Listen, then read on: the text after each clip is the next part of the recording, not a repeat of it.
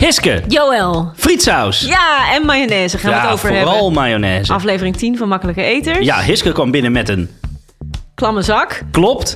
dus wij zitten hier met een berg friet. Ja, en eh, Ehm, we hadden het over marshmallows. marshmallows, Een zeker. delicatesse. Een natte ovenschotel komt ook nog voorbij.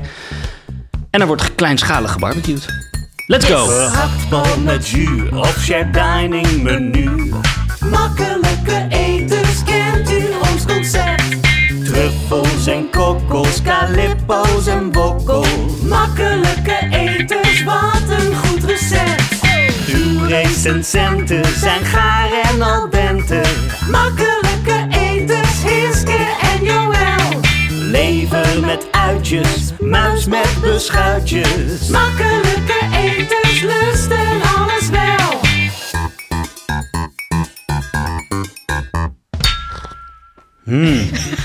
Zo, eerst een een slokje koffie. Hallo. Hallo. Dag is. Daar zijn we weer. Ja, wat ziet er vrolijk uit vandaag? Ja, ik ben ook vrolijk, want ik heb iets bij me. Oeh. Ehm, makkelijke Eters, aflevering 10. We gaan het hebben over frietsaus. Moet jij eens raden wat ik in mijn knapzakje heb? Ehm, heb je zelf frietsaus gemaakt? Nee? Heb je ehm, frietjes? No, klamme zak. Een klamme De zak. klamme zak uit aflevering, wat is het, 7 of zo? Ja, de klamme zak van eh Snackbar Eiburg. Ze Oh, zijn lekker. waarschijnlijk niet meer helemaal Oh, warm. dit is... Mm, we gaan niet meer helemaal warm en ze zijn slap, maar Ja. ik vind het alsnog een tractatie. Maar ik, Dankjewel. ja, en ik dacht, we kunnen het natuurlijk niet over frietsaus hebben als we geen frietjes hebben. Heel slim. Ehm, en ik had ook al verteld dat ik dus heel erg hou van deze frietjes eten op de fiets. En ik kan je bij deze eh, een update geven van het feit dat ik ze ook heel graag eet in de auto. Mooi. Goed. Volgende keer eh, mee in het vliegtuig. Kijken Ja. hoe dat eh, gaat. We hebben dus al allerlei soorten frietsaus staan. We gaan straks ehm, verschillende dingen proeven. Ja, en wees Ehm, niet bang. Het gaat ook over mayonaise. Ja, het gaat ook over mayonaise. Het gaat ook een beetje over frietjes, denk ik. En alles wat je met mayonaise kan doen. Ehm, Dit wordt een dubbele uitzending, ik hoor het al. En ehm, eh, ik wilde even beginnen met wat reacties en mededelingen. Vooral dat eh, naar aanleiding van onze aflevering van vorige week... we een bericht kregen van niemand minder dan Elon Musk. De nieuwe eigenaar Ja. van Twitter.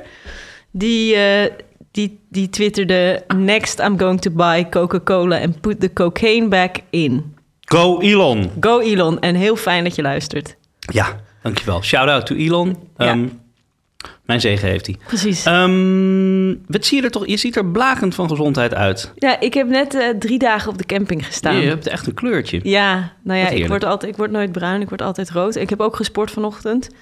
Dus daar moet ik ook altijd nog minstens een paar uur van bij kleuren. Dus dat zou het kunnen zijn. Terugkleuren, ja.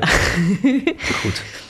Ehm, we hadden meer reacties? Ja, we hadden nog wat vragen op, ehm, op eh, Instagram. Eh, onder andere over mijn waterkoker-ei. Hoeveel water doe jij dan in je waterkoker als je daar een ei in kookt? Of zou het niet uitmaken? Vraagt Theelepeltje, toch? ja, klein drupje. Nee, ik zet het ei gewoon onder water. Mhm. En dan laat ik het dus koken en dan vijf minuten laten staan. En het is ook eh, qua thema. We hadden eigenlijk voor onze aflevering van vandaag ook weer een raar ding. Ja, Namelijk in onze nieuwe rubriek Een raar ding. Waar we eigenlijk een jingle voor zouden moeten maken. daar gaan we even op broeden. Gaan we even op broeden. We hadden voor de rubriek Een raar ding vandaag eh, van S- Floor Smeets eh, het ei met stroop gekregen. Die, eh, zij eet dat vaak. En dat wilden rare we, dingen gesproken. Ja, en dat wilden we dus vandaag gaan proberen. Er staat hier ook allemaal stroop. Maar het ei, dat zou ik meenemen. En dat heb ik dus in mijn waterkoker laten liggen. Ik heb heel netjes mijn, mijn schenkstroop en mijn appelstroop Maar uit, het ei met uitrinsen, stroop, toch? ja, precies. Het ei met stroop, dat komt dus in de volgende, Volgende week. Volgende week ei met stroop. volgende aflevering. Ja. Ehm, een andere reactie was van Beppe Gien. Die schreef eh, superleuk, eh, die podcast. Het gesprek over Boursin deed me denken aan de vakantie in Frankrijk met mijn ouders. Want bij die vakantie at zij dus altijd met haar vader iets... Met, eh, dat heette roulé au finerbe. Dat was dus een soort opgerolde Boursin. En eh, zij zegt dat het iets typisch Frans is... en dat ze ook een beetje teleurgesteld is in eh Marieke van Kef... dat ze dit niet kende. Maar ik ken het ook niet. Ken jij het? Nee, maar dat is natuurlijk geen enkele kwalificatie Nee. dat ik het niet ken. Jij bent geen francofiel.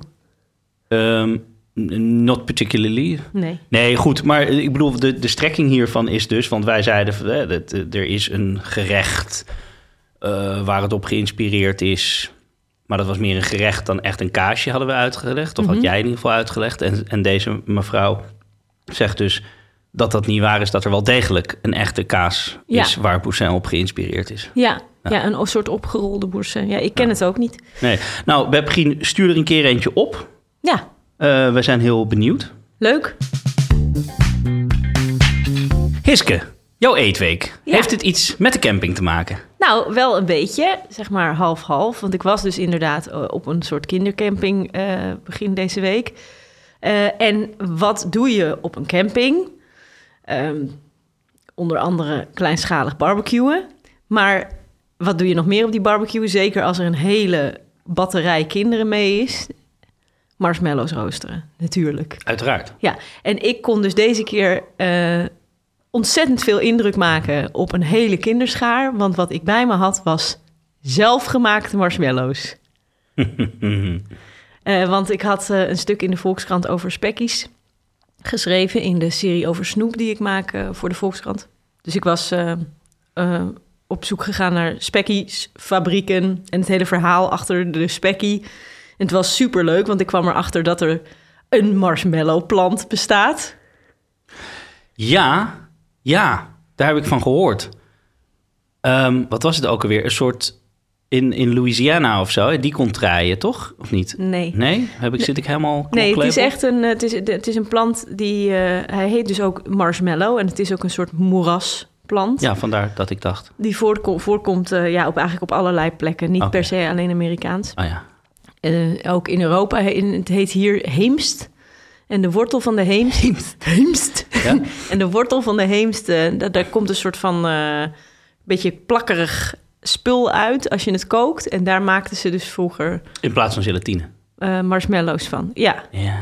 met eiwit. En, eh, Met Italiaanse merengue, want daar hebben we het ook eerder in de podcast over gehad, toch? Ja, ja, nou ja, en ik wilde dus ook zelf heel graag eh, marshmallows maken. En het liefst eigenlijk ook van die heemst. Maar dat is me niet gelukt. Mm. Maar ik heb inderdaad wel met Hidde de Brabander. Mhm. eh, hij is uh, meesterpatissier, heeft En vroeger... meester ijsbereider. en meester ijsbereider. En ook Laten we gewoon dat niet vergeten. algemeen leuk iemand.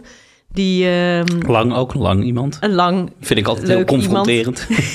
Oh ja, jullie hebben wel een beetje dezelfde gezichtsbeharing. Oh ja. Ehm, maar ehm, eh, ik ging dus bij hem eh, eh, zelf marshmallows maken. En hij maakte inderdaad twee verschillende soorten. Eén met een Italiaanse merengue. Dus inderdaad met opgeslagen eiwit waar je dan hete siroop bij gooit. En ook één zonder eiwit. Met Oh. alleen gelatine. Ja, precies. Met alleen gelatine en suiker. en een beetje water. En dat dan dus heel lang opgeslagen. En dat wordt nog een veel harder schuim. Ehm, want die, die, ja, maar wordt het ook wit? Ja. Ja, het wordt, ziet er eigenlijk gewoon precies uit als merengue. Je kan natuurlijk van allerlei eiwitrijke dingen merengue maken. Maar dit is dus met gelatine dan als bindmiddel en als stabilisator.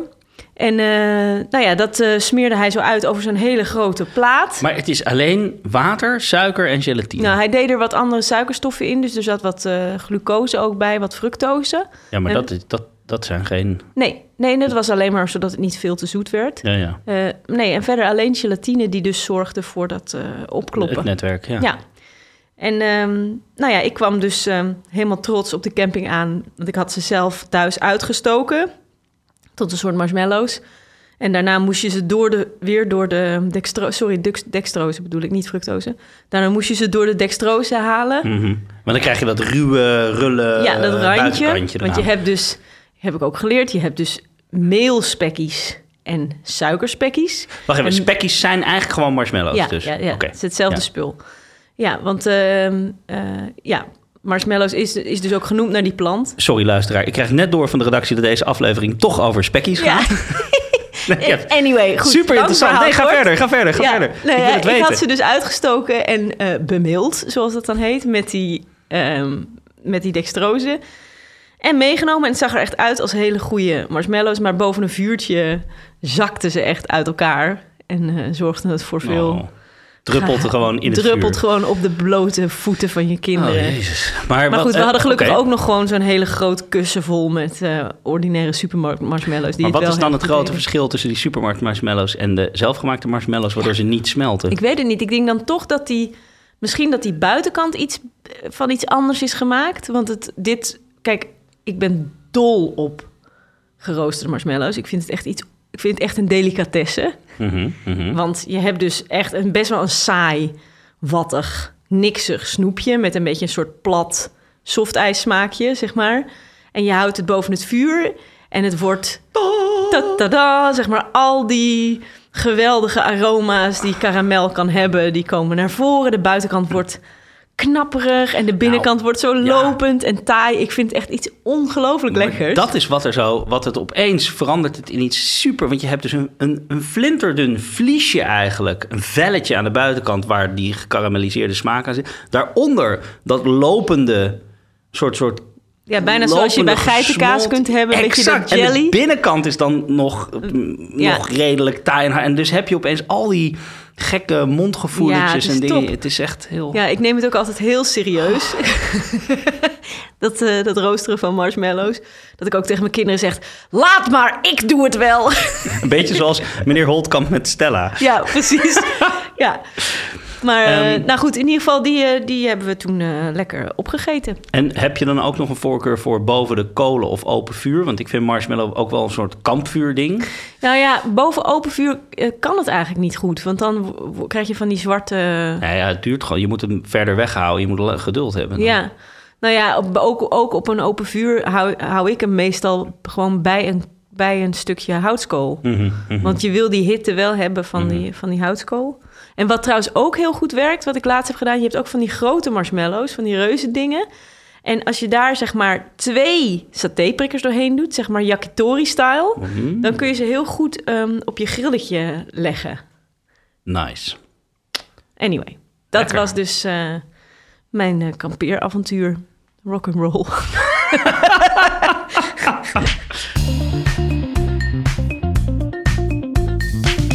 Heb je verder nog leuke dingen gedaan in je eetweek? Ja, zeker. Ik had een ontzettend... Ja, nou, ik heb ook kleinschalig gebarbecued. Oh, Ja, nou ik kijk, heb het gelijk, gelijk jouw... ehm, het wordt een ehm, ding. Zeg dat je had jouw tip in, eh, in de praktijk gebracht. Nee, ik, ik had een slager over uit Italië. Ehm, As you do. Wat?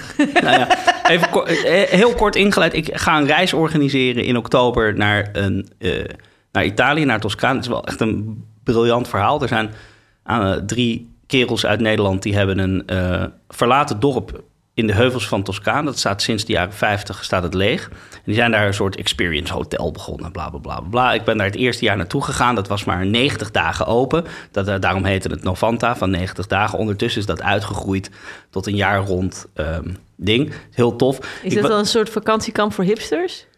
Nou, nee. Ehm, ja. Nee, nee. Er komen, echt wel, er komen ook echt wel gezinnen en, en oudere mensen en, en, en pensionado's. En, eh. Maar het is gewoon, het is briljant. Het eerste jaar dat we daar rondliepen, liepen er gewoon nog een kudde koeien af en toe gewoon even door dat, door dat terrein. Want het was natuurlijk van hun. Er was al, al, al 60, 70 jaar kwamen daar geen mensen meer. Ja. En, al, en het is wel heel tof dat het complex ook... Bedoel, het ene huis is dan wat groter en daar zit dan de centrale keuken in, een paar kamers en een paar kamers weer in een ander huisje net iets verderop. En het is, het is super idyllisch, prachtig uitzicht af vallei, helemaal te gek. Ondertussen zit daar ook een chic zwembad en dat soort dingen bij. Maar de eerste jaar dat ik daarheen ging, eh, was het eerste jaar dat ze dat überhaupt deden. En toen was het allemaal nog redelijk, ehm, ehm, eh, hoe zeg je dat? Houtje touwtje? Nou, nee, eh, basic. Oh ja. Maar het mooie was, ik was daar naartoe gegaan omdat ze daar dus onmiddellijk in het eerste jaar dat ze daar kwamen, hadden ze allemaal contacten gelegd met ze. hadden daar een man die truffels met een hond zocht in de bergen en eh, allemaal gelijk, allemaal leuke eetconnecties en voedselconnecties daar gelegd in de buurt. En één daarvan was, en dit is echt een briljant verhaal, helemaal bovenop de berg woonde een houthakker met negen vingers. En ik heb het niet verzonnen, dit is echt waar. Het, het is een, een kettingzaagongelukje. ge- Die houdt daar zijn eigen varkens. En daar staat een hek om zijn boerderij. Niet om de varkens binnen te houden, maar om ze buiten te houden. Die varkens leven daar als, als dat is een Italiaanse term voor die ik niet kan onthouden, maar zoals in het wild. Ja. En ehm, die hebben dus die, die eten eigenlijk gewoon, die, die scharrelen en ze worden wel wat bijgevoerd, maar ze kunnen dus heel veel lopen, heel veel eten. Het duurt ook twee jaar voordat zo'n varken, in plaats van de negen maanden in de industrie, duurt het twee jaar voordat hij een beetje op slachtgewicht is. En dat vlees is vuurrood. Iedereen denkt dat varkens wit zijn, maar dat is helemaal niet waar. Ja, als ze tussen twee hekjes staan wel, maar... Dus, en het is zo verschrikkelijk lekker. En die beesten die liepen daar rond. En het was allemaal precies wat je denkt van zo... Zeg maar, het romantische beeld van zo zou ik vlees willen eten, zo moet het zijn. Dat was gewoon exact daar. En die man die maakt dus zijn eigen salamis en hammen. Ongecontroleerd door welke instantie dan ook. Dus dat doet hij gewoon thuis in een boerderij waar zijn familie al eeuwen woont. En je ziet daar gewoon meters dikke stenen muren waar je de rode schimmelplekken op ziet. En dat zijn dus exact die micro-organismen die ervoor zorgen, voor die unieke smaak daar zorgen. En het was allemaal zo fantastisch. Dus we zijn nu. ehm, eh, ik raak helemaal de draad van mijn verhaal kwijt. Je Ik raakt het- helemaal in vervoering. ja, nou weet je, ik was er dus vorige zomer weer. En het mooiste is dus, er staat natuurlijk ook wel een hek om dat hele terrein heen. Want, maar af en toe lukt het een wild zwijn om daar doorheen te breken. En die dekt wel eens een zeugje daar. En dan krijg je dus eh, hybride biggetjes. Ja, En dat is dus, die doen er nog langer over om op te groeien. En die hebben net een beetje dat, die hebben wel dat vette van een varken, maar ook nog wel dat wilde van een wild zwijn. Ze zijn dus eigenlijk heel, echt heel, heel lekker en uniek. En het mooiste is dus, die beesten zijn letterlijk aan de voorkant roze en aan de achterkant gestreept. wat grappig. Ja, het is echt fantastisch. Maar goed, dat terzijde. Wij gingen dus die reis organiseren. We hadden een leuk persevent. We hebben die man hier naartoe gehaald om, eh, om zijn kunsten hier te vertonen. Hij had van een heel leuk achterafzaaltje op Markt Centraal... had hij even een stok opgehangen. Met een hakbijl had hij daar een paar spijkers ingetikt. En daar zijn salamis. Dus hij had gewoon zijn eigen slagerijtje in een hoek... binnen een kwartiertje opgebouwd met een mooie snijmachine en dat soort dingen. En die ging daar worsten maken... Ehm, en ik heb toen die hele middag echt me helemaal het ongans gegeten aan rauw varkensvlees. Want dat is de manier waarop ze testen of het vlees goed op smaak is voor in de worst. Is gewoon een toastje ermee smeren. Ja. En, dan, ehm, en eigenlijk is het, dat vlees is zo mooi en zo puur... dat je dat gewoon, je kan dat gewoon rauw eten. Ja. Het was echt fantastisch. Maar goed, ik had, we hadden dus worsten gemaakt. En nu kom ik bij het kleinschalig barbecue. Ik had dus zo'n hele streng mee. Met allemaal van die geknoopte kleine worstjes. En die heb ik in een spiraal, in zijn ge- geheel, zo'n hele spiraal, op het rooster gelegd. Ja, en dan kun je dus gewoon, wat is het, 12, 15 worstjes tegelijk. En die kun je dan die hele slang in één keer omdraaien. Nou, dat was ook het. e- Ik heb die barbecue alleen maar aangestoken om dat een kwartiertje te doen. Kleinschaliger dan dat krijg je het niet. Ja, wat slim ook met die worsten in Ja. zo'n... in Ja, dat werkt echt perfect. En dan kun je ze daarna gewoon eh, in stukjes snijden. En wat was het voor worst? Zat er nog kruiden in? Of? Eh, de- gewoon een ongelooflijk ordinaire venkelworst. Gewoon Oh. basis, basis, basis. Lekker. En wat had je erbij? Niks, want het was gewoon borrel. Ja. Het was gewoon kleinschalig gebarbecued. Ja. Niks erbij. Super nice. Ja. Oh, heerlijk. Ik heb er gelijk zin in. Ehm, nou, dat komt goed uit, want we hebben dus inmiddels eh, behoorlijk afgekoelde frieten op tafel staan en allerlei flessen, want we gaan het hebben over frietsaus. Eh, en dus ook wel een beetje over mayonaise natuurlijk, want frietsaus is een afgeleide van mayonaise. Daar gaan we zo over vertellen. Maar ik ben eerst even benieuwd, ehm Joël, wat is jouw relatie tot eh frietsaus en mayo? Eet je dat vaak? Ehm frietsaus eet ik eigenlijk nooit. Tenzij er iets met, eh, met de McDonald's aan de hand is. Mhm. Dan als ik ergens ben waar er frietjes van de McDonald's zijn... dan laat ik het zeker niet om die ook in de frietsaus van de McDonald's te dopen. Bij Als, ze- als ze ergens zijn? Ja, Wat bedoel je als Nou, ze ergens zijn? probeer zelf zo min mogelijk naar de McDonald's te Je gaan. bedoelt, oh, oké, je bedoelt, mocht je geheel per ongeluk tegen een. McDonald's friet aanlopen. Precies, zo, zo dat ik Wat schrik. is dit nou toch weer? per ongeluk om de... Nou ja, ik weet, ik probeer... Ik viel, het kwam Ja. in mijn mond. Nee, ik struikelde, dokter, en ik viel per ongeluk op een frietje. Ehm. Nee, het, eh, nee joh, ik ben gewoon veel te vet. Ik probeer dat allemaal te vermijden. Ik vind ook eigenlijk, ik probeer ook het, het, het soort vlees wat bij de McDonald's verkocht wordt te vermijden. Ehm, niks menselijks is mij vreemd. Ik heb af en toe ook een ruggengraatlo- ruggengraatloze... eh, dus ik, ik, ik verdwaal, vaak als ik op Schiphol ben. Hmm. Dat vind ik dan, als ik op, dat is dan zo gek. Dan ben ik opeens, dan, dus net als die... Dan ben je weerloos. Nee, dan ben je zo dat tax-free. Dan, Ja. dan ben je dus niet meer in Nederland. ben je telt. een soort van internationale wateren of zo. en dan gevoel. laat ik me nog wel eens verleiden. Hoe dan ook. Ik krijg daar ook altijd zin om, zeg maar dan om tien uur s morgens bier te gaan bestellen. Omdat het een soort van tijdloze Dat is het enige wat ik ru- haat. ruimte is. Ja, precies, In ja. het, weet je wel dat je denkt, ik weet niet hoe laat het is. Het maakt ook helemaal niks uit. Ik ken die mensen niet. En inderdaad dat je dan ineens naar de McDonald's wil... En, en, en overdag van die halve liters bier wil gaan bestellen. Het enige teleurstellende aan Schiphol vind ik dat je nog steeds geen bier bij de McDonald's kan bestellen daar. Hmm, in België wel, Exact. heb ik gehoord. Mm. Hebben wij van horen zeggen. Ja. Goed, anyway. anyhow, frietsaus eet ik dus niet zo vaak. Mayo daarentegen eh, vind ik heel lekker. Ja, En daar kun je ook... Ja, kijk, mayo is natuurlijk een soort... ehm alfa en omega. Je Ja, kan dat ik voor alles. En mayonaise wel echt de ultieme saus. Ja, Tenminste, ik vind Hollandaise saus, wat eigenlijk een soort warme botermayonaise is, vind ik misschien nog wel lekkerder. Maar goed, dat is dan weer zo'n gedoe om te maken. Nou, maar het heeft minder toepassingen dan de mayo. Ja, zeker. Ik, wat ik zo aantrekkelijk aan mayonaise vind, is dat je er echt... Kijk, Hollandaise is gewoon klaar als het Hollandaise is. Je zou er eventueel nog bearnaise van kunnen maken... Mhm. als je het met de kastriek en de ragon en bla, bla, bla. Ja, Maar mayonaise, daar begint het pas. Ja. Kijk, een goede mayonaise is al hemels... maar je kan er natuurlijk nog allerlei cocktailsaus, om maar wat te noemen. Zelfgemaakte cocktailsaus. Ja, zeker. I love it. Aioli. knoflooksaus, ja. Precies, knoflooksaus. Eh, noem er nog eens een paar. Curry saus. Oh, Dat aten wij vroeger bij de chipjes. Kregen we dan zo'n dipsausje. En dan, eh, daar zat ook wel eens... Ja, dat was dan van die gele currysaus.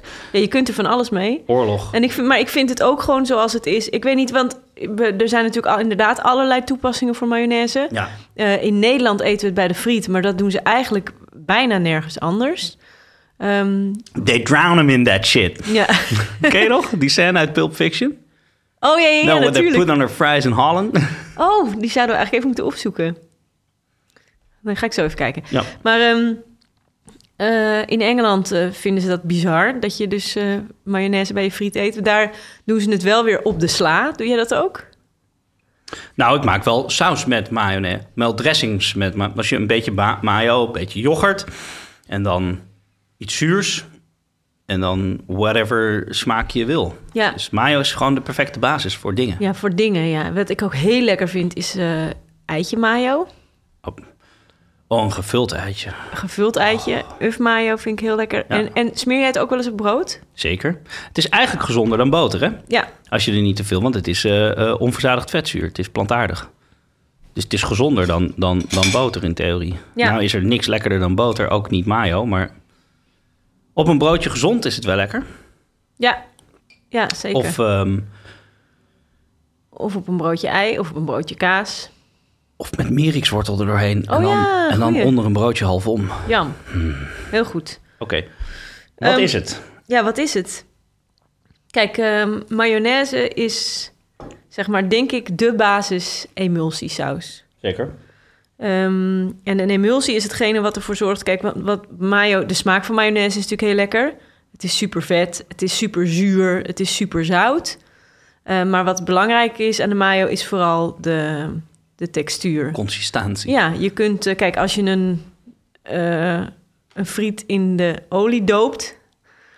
dan blijft het er niet goed aan hangen en het, het zuigt erin en zo. Maar mayonaise, dat maakt een mooi laagje. En dat komt door, die, do- dat, door dat proces wat dus emulgeren heet.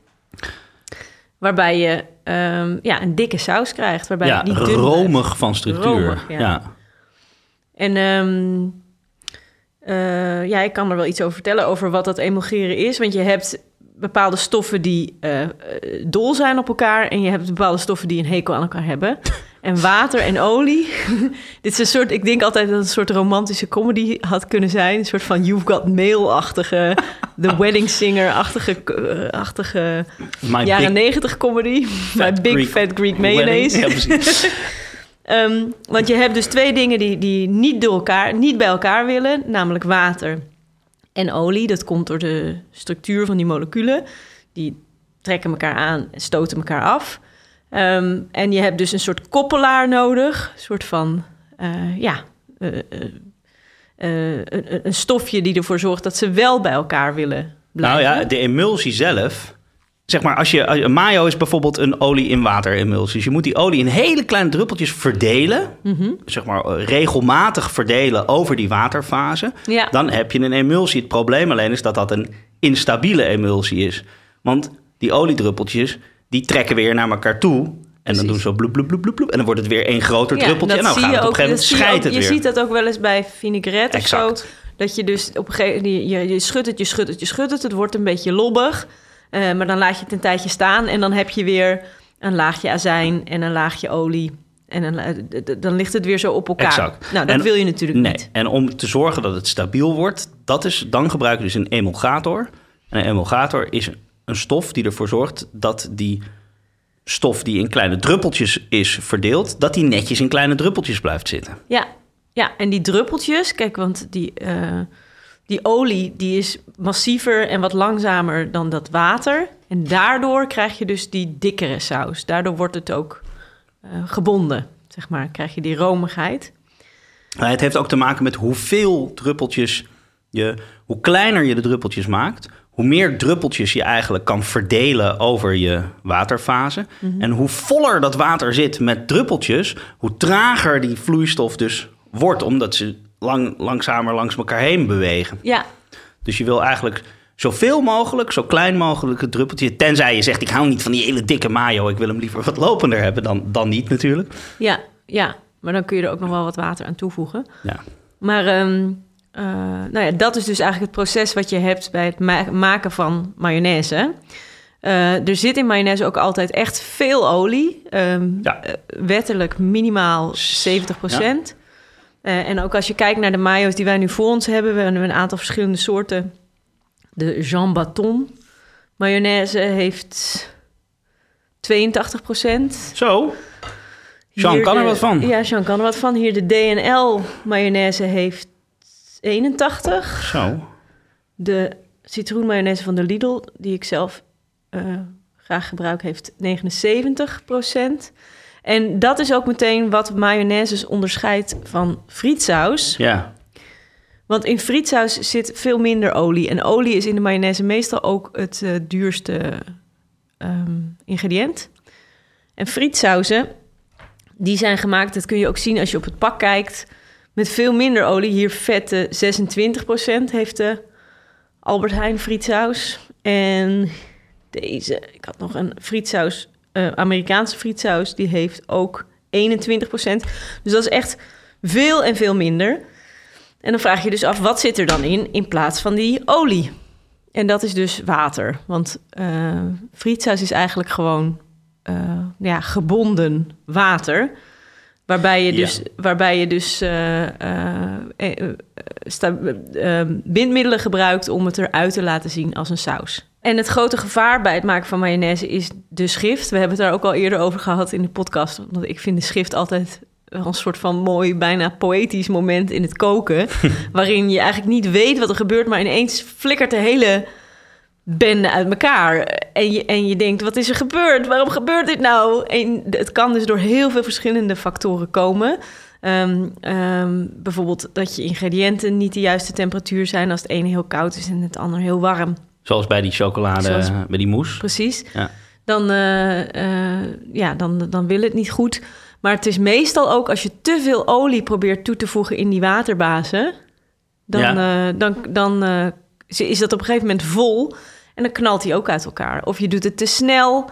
Dus dat zijn allerlei manieren waarop het eh, kan Nou ja, er kunnen twee. De, ja, het, ehm, als hij helemaal geschift is, doordat eh, de bolletjes toch naar elkaar toe zijn gaan trekken, Ja, dan moet je weer opnieuw beginnen. ja, Maar je kan ook hebben dat je mayo begint te scheuren, zeg Ja. maar. En dan, wat er vaak gebeurt, en dan dus wel, moeten we even denk ik toch die emulgator uitleggen. Wat, wat doet dat, die eidooier? Daar zit een stofje in, lecithine. En dat stofje heeft twee kanten. Aan de ene kant houdt het van water en aan de andere kant houdt het van olie. Dus ja, het hij is heeft een staart en een Precies. kop. Het kopje is hydrofiel, dus dat houdt van water. En het staartje is hydrofoob. Dat is een vetachtige stof die graag in de... Dus wat er gebeurt is, die lecithine gaat om die druppeltjes olie zitten. Die steekt die staartjes in die druppeltjes olie. Helemaal rondom is dan dat druppeltje bedekt. Mhm. Met kopjes die wel van water houden. Dus dat maakt dat die druppeltjes olie goed bij elkaar blijven. Omdat ze sowieso eh, een barrière vormen. Dus die druppeltjes vet komen minder makkelijk bij elkaar om weer samen te klonteren. Want daar zit zo'n laagje hydrofiele kopjes het zit ertussen. Plus dat ze lekker fijn bewegen door die waterfase, omdat ze omringd zijn door een hydrofiel laagje. En wat er dus vaak aan de hand is. En als mensen denken, hey, het gaat niet goed meer, hij begint, hij begint te schiften of hij begint te scheuren, is nog meer eidooier toevoegen. Maar dat is vaak helemaal het Oh. probleem niet. Het probleem is vaak Even een ongelukje. een ongelukje met een fles, fles mayonaise, mayonaise. waar meer uitkwam dan Hiske verwachtte toen ze hem Het omkeerden. kwam dus op mijn duim. Nee, wat er dus vaak aan de hand is, is dat er gewoon niet genoeg water meer is om al die bolletjes langs elkaar vloeiend te laten bewegen. En als je dus een klein beetje water erbij gooit, dan heb je helemaal niet meer eidooier nodig, maar dan, dan opeens trek je Ja. hem weer. Een beetje water aan het eind van het proces erbij is trouwens ook heel goed. Daar wordt die mayonaise wat, eh, ehm, wat witter van. En ook wat, eh, ja, lijkt af en toe zelf bijna een beetje luchtig. Dat is een hele, ook een goede manier om het iets, ehm, iets nog te verdunnen. Eh, wat ik ook nog leuk vond om te vertellen over die schrift. In Italië noemen ze het dus ook i- impazzire. Dat betekent dat die mayonaise gek wordt. en dat, er, er zijn ook allerlei rare... ehm, kijk, de, de- er zit een soort onberekenbaarheid in. Waar, omdat mensen dus niet weten waarom die lekkere zachte saus ineens verandert in zo'n bak smerige olie. En er zijn ook allerlei eh, rare mythes over eh, bijvoorbeeld dat vrouwen die ongesteld zijn geen mayonaise kunnen maken omdat, eh, ja, omdat de, de mayonaise dan in de schrift zou slaan. Maar ik heb serieus in restaurants gewerkt waar mensen dat echt dachten. Dat er echt nog chefs waren die dachten van... oh, is er een ongestelde vrouw in de keuken Dat geweest? een soort Want magisch Ja, principe was. ja, en ik weet ook nog dat ik op een gegeven moment echt zo tegenover zo'n chef heb gestaan en heb gezegd: luister, als dat zo was, weet je wel, dat vrouwen die menstrueren een soort van natuurkundige wetten op zijn kop kunnen zetten, dan zou het toch zo veel meer. ehm, eh, Dus die chef heeft jou vervolgens in de gracht gedonderd om te kijken of je zonk of bleef drijven. ja. Wat een flauwekul. Nee maar, is is echt, nou? nee, maar het stond ook vroeger in allerlei boeken. Er is echt, Ja, echt een hoor, soort er stond bij- wel meer dingen Nee, in. maar wijdverbreid eh, bakerpraatje. Je hebt eh, het Bull Cook and Authentic Historical Recipes and Practices kwam ik tegen. Van George Hurter. Daar staat dan in... ehm, Uit welk jaar is dat? Ja, dit is jaren 60. Oh, toen nog zelfs. Ja, maak je niet... Nou, maar dit is mij dus gebeurd echt in de jaren 2000, hè? Dat, er, dat, een, eh, dat een chef dat tegen me zegt. The mayonnaise will simply not blend together at all. Um, it's not superstition, but a well-established fact. Met een voetnoot neem ik aan erbij. En, een- wat een flauwekul. Ja, grappig, hè? Ja. Het, ehm, overigens zit er in eh, die industriële eh mayonaise... is om te voorkomen dat ze gaan schiften... ook juist weer die stabilisatoren. Dat zijn dus ook weer vaak zetmelen en de lange moleculen... die in principe precies hetzelfde moeten doen als bij zo'n gebonden saus. Namelijk gewoon in de weg gaan zitten... en zorgen dat die vetdruppeltjes elkaar niet tegenkomen... en niet gaan samenklonteren. Ja. Kijk, Over- ik heb nu even een paar Hmm. verschillende eh mayonnaises op een bordje Oh yes, please, let's do it. Ehm, dit is die van de Lidl. Die heet eh Cania. Dat is Belgische mayonaise met citroen. Even kijken, dat is deze. Ja, Dat is Jean Baton. dat is Jean Baton. Die is ook lekker. Dan doe ik even de... Ja, want jij hebt hier dus Kewpie mayonaise. Kun je Oh, daar iets over vertellen? lekker. Dat is Japanse mayo, Ja, hè? en ik weet nog steeds niet wat nou precies het... Oh, nou gebeurt mij precies hetzelfde. ik had een luchtbelletje. Ehm, ik weet niet wat het verschil is. Er zit sowieso mosterd in, best wel veel. Het is maar- ook... eh Kewpie mayonaise is dus eh, Japanse mayonaise... die daar ook weer op allerlei hele andere Oh. manieren wordt gebruikt. Ik vind het ook altijd heel grappig dat je... Oh, bij eh, ook in de Koreaanse keuken heel veel mayonaise wordt gebruikt. Ook op, dat heet geen sushi, maar hoe heet het ook weer? Bibimbap? Nee, nee, nee. Eh, nou, ik moet er maar even uit. Ik ben vergeten hoe het heet. dat maakt er niet uit. Dan mag de luisteraar toch best weten dat jij ook een keer iets vergeten bent. Ja, ik zit gewoon te denken, je hebt van die hele leuke soort van eh rijstrolletjes. En die zijn dan vaak ook ge- gevuld met bijvoorbeeld spam of eh, ham Ik ken het niet of eens. kaas. En Nee. daar, daar gaat dan heel veel mayonaise overheen. Ik weet wel dat het in Japan over de takoyaki gaat. Over Ja. die octopusballetjes. En dat je heel vaak dat je van die... dat- ze hebben dus ook in Japan van die zit- het zit in zo'n knijpfles. Het is een hele ehm, flexibele plastic fles met zo'n spuitmondje erop. En je hebt in Japan dus ook van die fl- flessen met een heel breed mondje met iets van vijf tuutjes. Waar ze dan in één keer zo, allemaal van die kleine dunne lijntjes mayo erover kunnen trekken. Het heet gimbap. Gimbap. Ja. Eh, en twee Belgische. Nou ja, en ik heb hier dus een hele grote fles frietsaus. Ik ga even kijken of ik hier een geluid mee kan maken. Nou, en dan nu die frietsaus. Zo flauw. en wat ik ook heb, en jij hebt dus ook frietsaus van de McDonald's mee, Ja. maar er is dus ook American frietsaus. Of dat heette vroeger ook freaksaus. Wat ook die groene mayo is die bij de McDonald's wordt eh, geserveerd. En daar heb ik ook een reclame van. Hey, met Remia, ja? We hebben een nieuw, nieuw product. Frieksaus. Een saus naar een Amerikaans recept. Heerlijk bij de hamburger en bij, bij, de friet. En omdat het speciaal voor jonge mensen is, hebben we gemeend daar een modern stukje muziek bij te zoeken. En het leuke is, het heet nog hetzelfde ook. Frieksaus. Hoor je wel? Komt er weer. Frieksaus.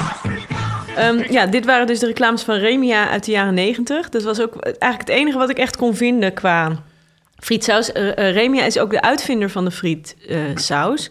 Zij maakte vroeger vooral margarines en dergelijke. En Ja. zijn dus in de jaren 60 begonnen met die, ehm, nou ja, eigenlijk, eh, ja, het is eigenlijk een watersaus, hè? Dus dat ge- gebonden water met een smaakje eraan. Ja, en vooral heel veel suiker. Ja, en, ja, precies. Want je moet dus... Kijk, eh, vet heeft, geeft heel veel smaak. Vet is ook een eh, smaakversterker. Ehm, dus je moet aan een frietsaus op een andere manier smaak toevoegen. Waardoor er dus heel vaak ehm, eh, ja, echt flinke lappen suiker in gaan. En ook veel meer zout dan in eh mayonaise. hè? Ja, dus het is... Je wordt er minder dik van, maar of het nou echt per se veel gezonder... Dus Ja. op andere vlakken is het weer. Ja, ik zit vind- trouwens nu... Die frietsaus van de McDonald's is natuurlijk... Eigenlijk, laten we heel eerlijk zijn, wel iconisch. Dit, dit is een smaak die...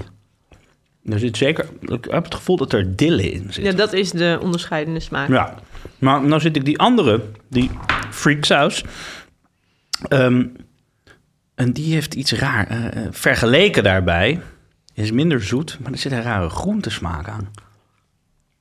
Ja, selderij of zo. Ja, Nou, eh, die Ameri- Hmm. wat ze dus noemen die Amerikaanse frietsaus... of de frietsaus van de McDonald's...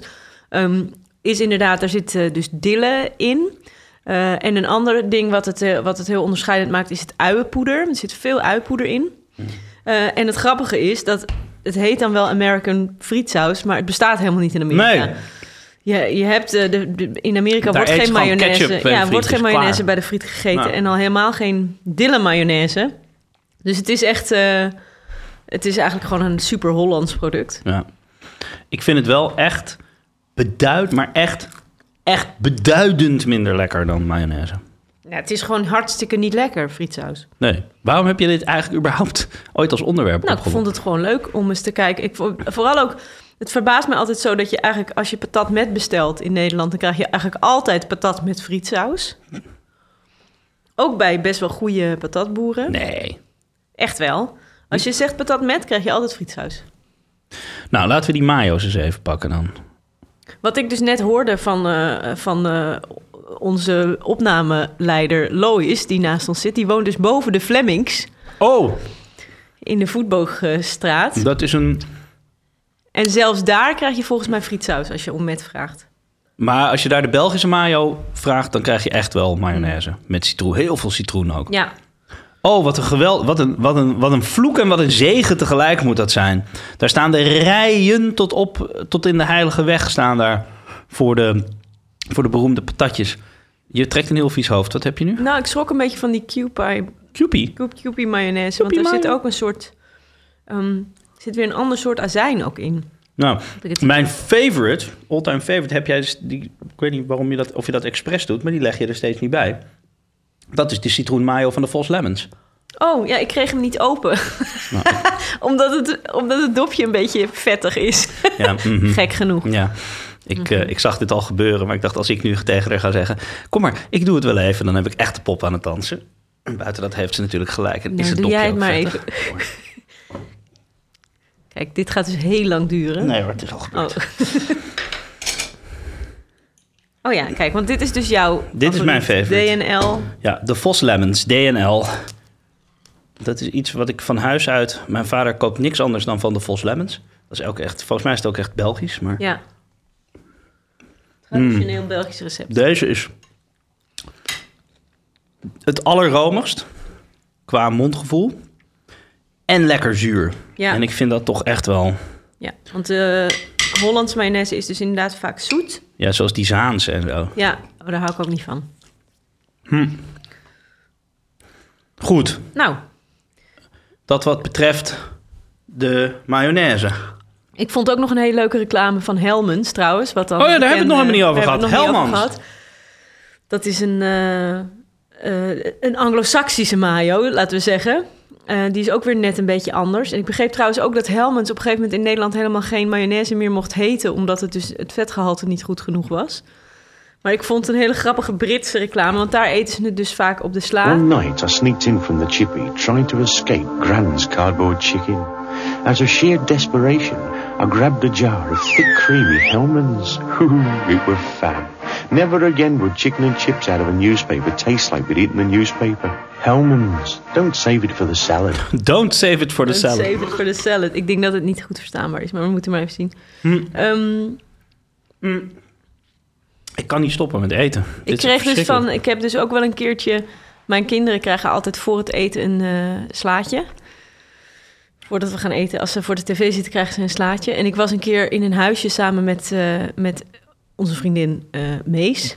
Ah. En toen maakte ik dus een slaatje met mayonaise. En toen begon Mees echt te gillen dat dat echt niet kon. Nou, wat een onzin. Dat je alleen maar slaatjes met Oh, waar we het ook nog niet over gehad hebben. vinaigrette. Yogonaise. Ja, wat moet wel daar nou over te zeggen? Nou, dat ik dus de combinatie mayonaise yoghurt heel erg lekker vind. Omdat dat niks afdoet aan de romige structuur. Ja, het klopt hem een beetje los. Yoghurt is iets losser dan mayonaise. Ja, Maar het blijft romig en het geeft weer een ander soort zuur er tegenaan. Wat die vettigheid zo ontzettend lekker contrasteert. Terwijl Ja. het, zeg maar, het mondgevoel niet in de weg zit. Ik vind het ja. echt, ik vind dat echt een, een voor alle sla, voor al uw sla-dressings Mhm. of dipsauzen. Een flinke klodder van die gewoon... En dan niet zelfgemaakte mayo, maar gewoon die mayo uit een pot. Want dan moet, je moet wel die dikke, lobbige consistentie hebben. Even losroeren met twee lepels yoghurt. ja. Wanneer maak je mayo zelf? Waar maak je mayo zelf bij? Nou, toen ik nog in Café de Koe werkte, heb ik heel veel mayo gemaakt. Ja. En thuis doe ik het eigenlijk daarom. Ik ben een soort van... Ik heb te veel mayo gemaakt. Oh ja, maak je het nooit zelf thuis? Oh ja. Ja, ik maak het wel zelf als het echt een soort van... In de Magimix, hè? Deden we dat vroeger. Ja, ja precies. In de Magimix in- doe je het vaak in restaurants... omdat je dan een hele grote hoeveelheid tegelijk kan maken. Maar, de, maar thuis doe ik het eigenlijk wel als het een soort van centerpiece in een gerecht. Dus als ik zelf frietjes maak bijvoorbeeld... Ja. maak ik ook zelf mayonaise. Oh ja, ja, ja. Ik doe wel ik- Hollandaise of, of, of, of, of Bearnaise vind ik ook echt, Zo echt lekker. heerlijk. Maar Ja. niet per se Bearnaise mijn- is Hollandaise, maar dan eh, met dragon. Ja. En dan doe je, dus je het maakt, eigenlijk maak je, je, je kookt je azijn met witte wijn en dragon en peperkorrels in tot Kastriek, een reductie. ja, die, dat, ja. kastriek. En daarmee, daar, die gebruik je om aan. Dus daar zit die dragonsmaak al in en dan meestal snij je er ook nog wat verse dragon doorheen. Ja, En het wordt dan traditioneel met ribeye of entrecote. ik heb er gelijk zin in. Ja, maar ik eet mijn BRNS toch eigenlijk liefste dan gewoon met mijn friet of zo. Of- Oh ja? En ik vind het ook heel lekker bij vis. Oh ja. In plaats van een soort tartaar, wat ook natuurlijk mayonaise met iets zuurs eh, is. Oh mijn god, die hele hoek. Er is nog zoveel mayo. eh. Nou ja, misschien moeten we een keer een aparte aflevering over Hollandaise. Maar ik vind nu, het is echt het seizoen voor Hollandaise, remoulade. het allerlekkerst op asperges. Ik vind, eh, het is een beetje vloek in de kerk, maar ik hou heel erg van asperges met Hollandaise saus. Nou, waarom is dat vloek in de kerk? Nou ja, omdat als je ze echt eh à la flamande eet, dan eet je het natuurlijk met, met boter. Maar we eten ze à la versprillen. À la versprillen, ja, met groene linzen. Heerlijk, goed. Oké, mayo. Ehm, een raar ding doen we volgende week. Ja, een ei met stroop, daar kunnen we ons dan nog een week op verheugen. Ik eh, kan niet wachten. En we hebben wel weer echt allemaal leuke mislukte gerechten binnengekregen. Daar zijn we super blij mee. Ehm, blijf ze ook vooral insturen. De een nog mislukter dan de ander. Ik vind het zo grappig klinken. We hebben allemaal mislukte gerechten gekregen. Ja. En zijn we super blij mee. Ja. Nee, maar het is echt zo. En eh, het gerecht van deze week, ehm, eh, wat mislukt is, komt van eh Veerle Korstens. Ehm Veerle die schreef... Ik wil zo graag overschotels maken die niet nat zijn. Dan moet je het in de oven doen en niet in de goot steken. Ja, precies. Ik wou net zeggen, stap die douche uit, Ja. Quiches en lasagnes worden altijd nattig bij mij. Ik dacht dat ik het euvel gevonden had, mijn stomme IKEA-oven die ik intens haatte. Maar nu heb ik een prachtige nieuwe oven en blijkt het toch echt aan mij te liggen. Oh. Everywhere you go, you always take your natte ovenschotel with you. Ehm, Ehm, maar nou, wat betreft de quiche, die heb jij al getackeld in... nou, de quiche ging In- natuurlijk over de soggy bottom. Ja, maar dat Eh, is dan wel een... een... Ja, dat ontstaat inderdaad ook als, als je inhoud te nattig is. Oh, je kan natuurlijk ook... Ja, ja, oké. Dan Ehm, nog... Maar ik, ik herken wel een beetje wat ze zegt. Want het kan inderdaad zeker bij overschotels af en toe ineens gebeuren... dat je, dat je denkt, ik maak gewoon een lekkere stevige schotel... en vervolgens loopt het echt zo weg op je bord. Maar hebben we het dan over een shepherd's pie? Of een, Ja, dat een- soort- een- dit kan een bij van alles zijn. Of een... Ja, of een, eh, of een lasagne. eh, kan, Oh, dat is natuurlijk ook eigenlijk gewoon een overschotel. Ja, kan van alles zijn. En ik denk dat, het, dat ehm, wat Veerle misschien verkeerd doet... tenminste iets wat vaak verkeerd doet... als je, als je het idee hebt dat gerechten te vochtig worden... eh, is dat je te natte groenten gebruikt... en dat je die niet eerst even of eh, het vocht eruit kookt... of het goed aanbakt. Je hebt in Italiaanse gerechten, bijvoorbeeld in pastasaus en dergelijke... beginnen eigenlijk altijd met een sofrito... Eh, dat is dus een uitje, knoflook, Een soort mirepoix. mirepoix, ja, bleekselderij. En dat gooi je niet rauw in de saus, want dan loopt, lopen die groenten allemaal leeg in de saus. Nee, die ga je eerst even goed aanbakken. En ook best een tijdje. Zodat het vocht verdampt. Ja, je verdampt het wat vocht eruit en je concentreert die smaken. En die stop je dan vervolgens in de saus. Ja. Want je wil ook een beetje controle houden over... Kijk, als je lasagne maakt, en zeker als je ze met van die droge vellen maakt... dan heb je nog best wel wat vocht ook nodig in de saus. Maar je wil gewoon een beetje controle houden over hoe vochtig die saus wordt. En dat kan je maar je beter kan die droge vellen toch ook gewoon even wellen? Ja, dat kan. En dan heb je minder... Dan heb je meer controle over... Ja, ik doe dat nooit. Ik gooi ze er altijd zo in. Gaat eigenlijk altijd wel goed. Maar dat... eh, de- maar, Fearless. Fearless, Fearless. zeker. Nee, maar dat... Want ook bijvoorbeeld eh, als je rauwe spinazie ergens in gooit. Oh ja. Spinazie zijn ook echt van die waterbommen eigenlijk. Ehm, dus eh, ik heb het bijvoorbeeld ook wel eens gehad met van die eh, gevulde pasta. Waarbij je dan dus eh, en ricotta erin doet. En wat ook al best wel wat water heeft voor een, Cannelloni voor een kaas. Ja, voor cannelloni bijvoorbeeld. Ja. Dan maak je natuurlijk, je maakt spinazie en ricotta door elkaar. Een beetje nootmuskaat, lekker. Maar dan moet je echt die spinazie eerst even voor bakken en laten uitlekken. Want anders wordt het veel te nat.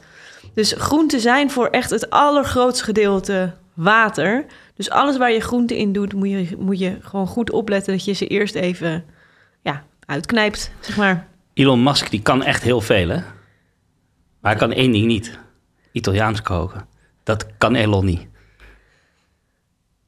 Nee? Cannelloni? Kan oh Elon man, niet? oké, Nee? ik ga naar huis. Dag. Maar wat kan er nog meer verkeerd zijn gegaan? Help Veerle.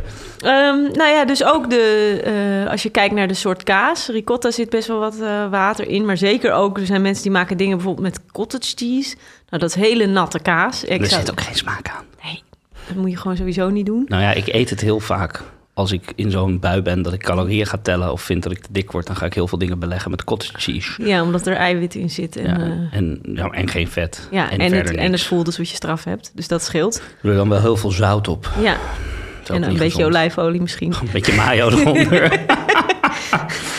Ehm, een andere is, eh, ja, Veerle gaf wel al aan dat ze zelf niet zo vaak bechamelsaus maakt, omdat ze dat muffig vindt smaken. Wat ik, ik echt ga een keer bechamel voor Veerle maken. Ja, want Goeie. bechamelsaus is echt iets verrukkelijks, dus dan doet ze ook iets verkeerd. Ja. Ehm, een gebonden saus is dat, geen eh, emulsie. Dus Jij hebt goed opgelet. melk gebonden met een roe.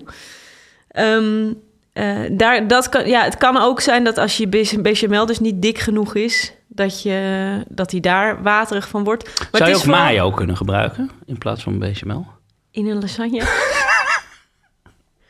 Alles Sorry, dit is een serieuze rubriek, hè? Sorry. Ja. ik zal stop. Nee, maar mayo moet je ook niet warm maken. Nee, Dat is heel vies. Ehm, Dus ik denk dat als ze al wat meer rekening houdt gewoon met het vochtgehalte van groentes, dat, het, eh, dat dat heel erg gaat helpen. Want het zijn eigenlijk bijna altijd de groenten die dingen te nat maken. Ook bijvoorbeeld bij die quiche met die soggy bottom Ja. is het heel vaak zo dat er dan bijvoorbeeld rauwe courgette in zit. Oeh, trouwens, oeh, rauwe courgette. Oeh. En dat loopt dan leeg op je, op je soggy bottom. Veerle, ik wil heel graag eh, van je horen of je eh, nu een, eh, een droge overschotel hebt weten te produceren. En anders horen we je volgende week wel weer. Nee, ja, Waarom worden dat- mijn overschotels zo droog? Nou ja, het is, maar ik vind dat dus serieus. Ik vind dat heel fijn als mensen ook even de follow-up Ja. even laten weten of het gelukt is, of ze er wat aan hadden. Ehm, dan, ehm, hè, want we willen toch, we willen je wel echt helpen. Ja. Nou, Hiske, en dan mag jij kiezen voor volgende keer. Hey, ja, er, er stond nog iets. eh, Ik heb nog een rekening te vereffenen. Oh, een alsjeblieft. chocolade Oh. rekening. Oh, weet je wat ik... Ik zou het niet eens erg vinden om het erover te hebben... maar waar ik zo tegenop zie... is dat die dingen dan op tafel... en dat ik het dan moet eten. Ja. Oké, goed. Anyhow, hij staat erop, After Eight. Maar wat er ook op staat, Hiske... wat ontzettend leuk is... is slagroom. ja, dat is wel leuk ook. En eh, ik voeg daaraan toe het briljante onderwerp... boterhamworst. Oh, dat is ook leuk. Boterhamworst, is dat zeg maar alle soorten worst voor je boterham? Dus ook kookworst, bassieworst, Bas, sowieso. servelaat. Eh servelaat weet ik niet. Ik vind servelaat toch meer richting de salami gaan. Mhm. Maar ja, ik weet niet. Leverworst is misschien ook zelfs al wel een eigen aflevering waard. Hm. Ja, dat lijkt me wel. Ja, dus nee, dan echt zeg maar de, de, de Gelderse gekookte en, en aanverwanten. Ja. en, en aanverwanten. Ja, Dat oh, we wel. vind ik ook wel verleidelijk. Ja. Maar ik ga toch voor de after eight. Kak! nou, oké, tot volgende week. Let's get it over with. Doei.